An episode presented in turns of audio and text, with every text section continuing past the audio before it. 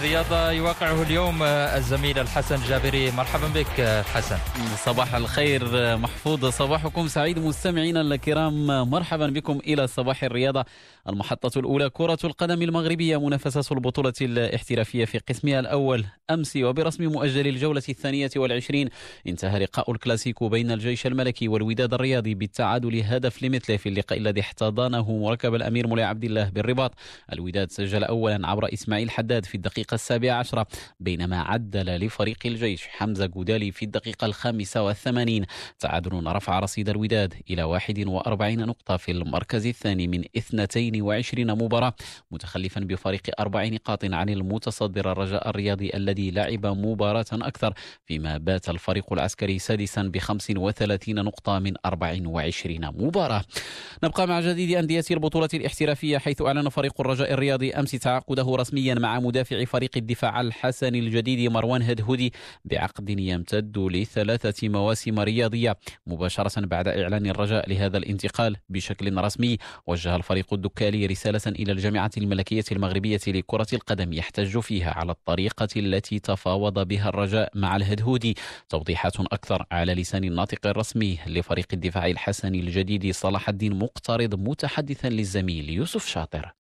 فوجئنا بأن هناك عقد موقع من طرف مروان الهدودي نشر في المواقع الإعلامية. قمنا في حينه بمراسلة آه، فريق آه، رجاء البيضاوي ومراسلة الجامعة الملكية المغربية لكرة القدم الان الملف مطروح على على طاولة لجنة النزاعات لأن القانون واضح في الماده 20 ماده 3 من قانون انتقال اللاعبين. يجبر أي فريق خصوصا إذا كان اللاعب مازال آه، عنده عقد آه، مع الفريق آه، وخصوصا إذا كانت بقى ست أشهر من حقه يدير معاه عقد. لكن بعد مكاتبة الفريق اللي كيربطوا به العقد الفريق الأم. للأسف الشديد هذا الشيء ما وقعش. العقد توقع إحنا من راسنا الجامعة آه، نفاجأ بمراسلة من فريق الرجاء البيضاوي يطلبون منا الشيء اللي كان خصو يدير قانونا شحال هذه يطلبوا منا بانهم راه باغيين يفاوضوا الهدهود كل الهدهود العقد ما بقاش المدة هذه في أخبار الدوليين المغاربة قدم نادي أنتر ميلان الإيطالي وصيف الكالتشو الموسم الماضي. الدولي المغربي أشرف حكيمي الذي تحدث عن سعادته بهذه الخطوة الإيجابية في مساره الكروي كما وصفها. وتحدث حكيمي أيضا عن اقتناعه التام بمشروع نيراتزوري الذي يهدف لاستعادة سكة الألقاب بعد الصعوبات التي عاشها الفريق في السنوات الأخيرة.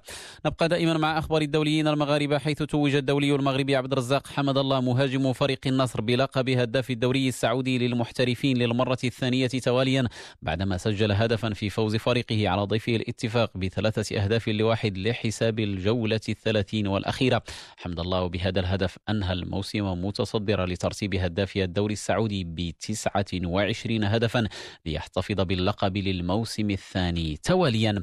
مغربيا دائما في البطولة التونسية وبعدما حسم الترجي أمر اللقب لصالحه لصالحه صراع المراكز المراكز المؤهلة للمنافسات القارية يتواصل خلال الجولة الخامسة والعشرين ما قبل الأخيرة نهار اليوم.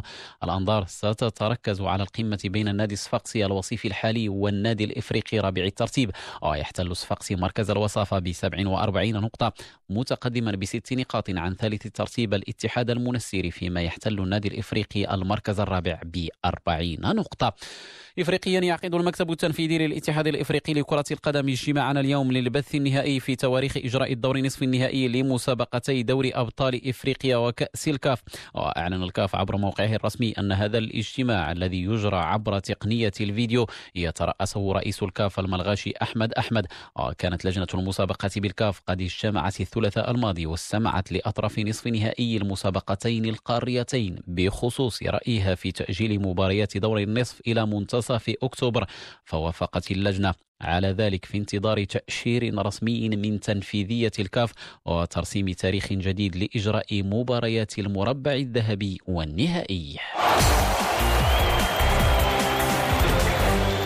إلى ملاعب كرة المضرب وبطولة أمريكا المفتوحة. فلاشينغ ميداوز إحدى البطولات الأربع الكبرى. الروسي دانيال ميدفيديف والنمساوي دومينيك تيم أكمل أضلاع المربع الذهبي للبطولة. ميدفيديف تغلب في دور الربع على مواطنه أندري روبليف بثلاث جولات دون رد.